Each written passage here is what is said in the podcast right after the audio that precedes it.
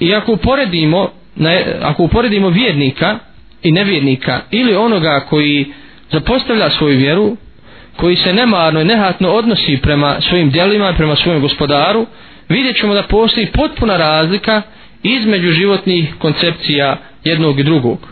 Odnosno između životnih koncepcija onoga ko je vjeri privržen i onoga ko ne vjeruje ili sumnja.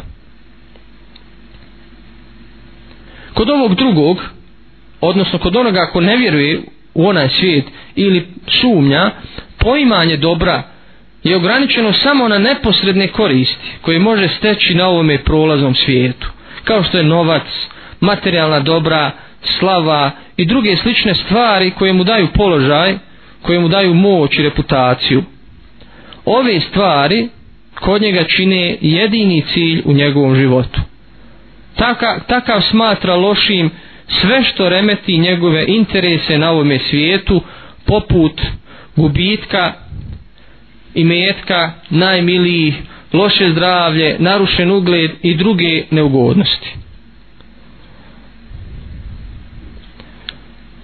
Za njega znači, za onoga ako ne vjeruje ili sumnja sudnji dan, za njega vjerovanje u uzvišenog Allaha i život po njegovom zakonu je nevažno. Za njega to ne predstavlja ništa korisno.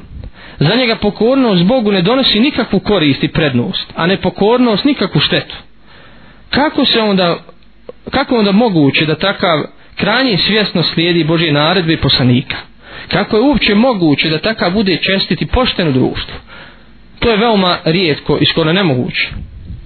Gdje će on naći motive i potrebna ohrabrenja da bi prkosio iskušenjima i žrtvama, da bi se žrtvovao za dobro na ovome svijetu, da bi odbio zadovoljstva ovoga svijeta.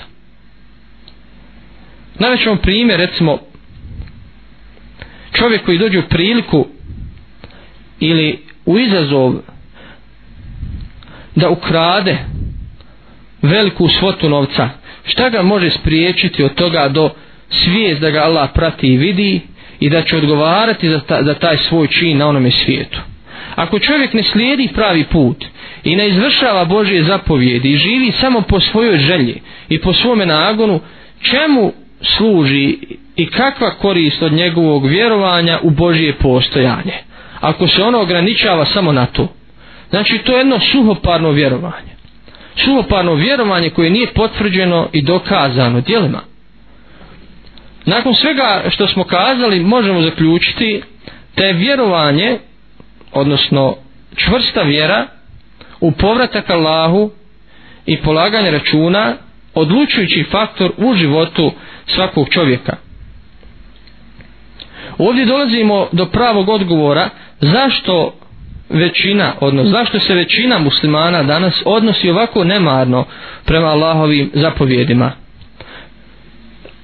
zato što sumnja u proživljenje zato što sumnja ili zaboravlja susret sa uzvišenim Allahom subhanahu wa ta'ala.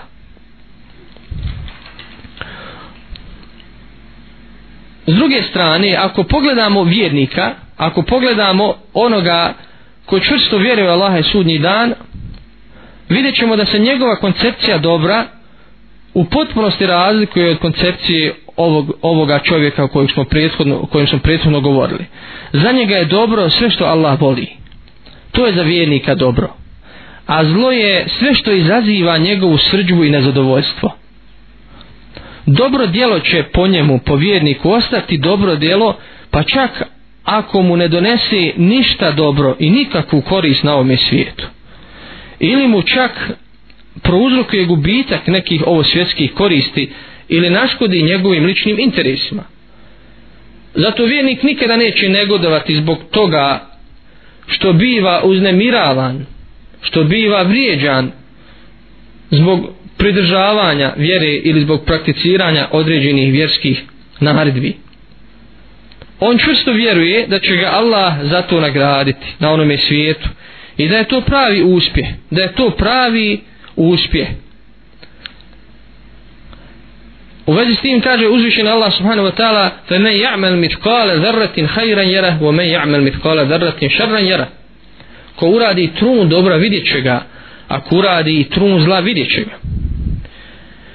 Isto tako vjernik neće posegnuti za onim što je Allah subhanahu wa ta'ala zabranio samo zato što će od toga imati neku ovo svjetsku korist jer zna da će iako izbjegne ovo svjetsku kaznu iako ga niko ne vidi ili ne otkrije konačno biti na gubitku na onome svijetu jer ne može pobjeći ne može pobjeći od Božije pravde i suda.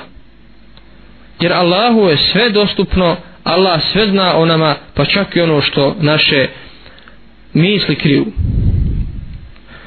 Vjernik ne vjeruje u relativnost morala nego se drži apsolutnih znači moralnih normi koje Allah objavio i živi u skladu s njima bez obzira na dobitak ili gubitak na ovome svijetu. Znači vjernik ne gleda korist na ovome svijetu.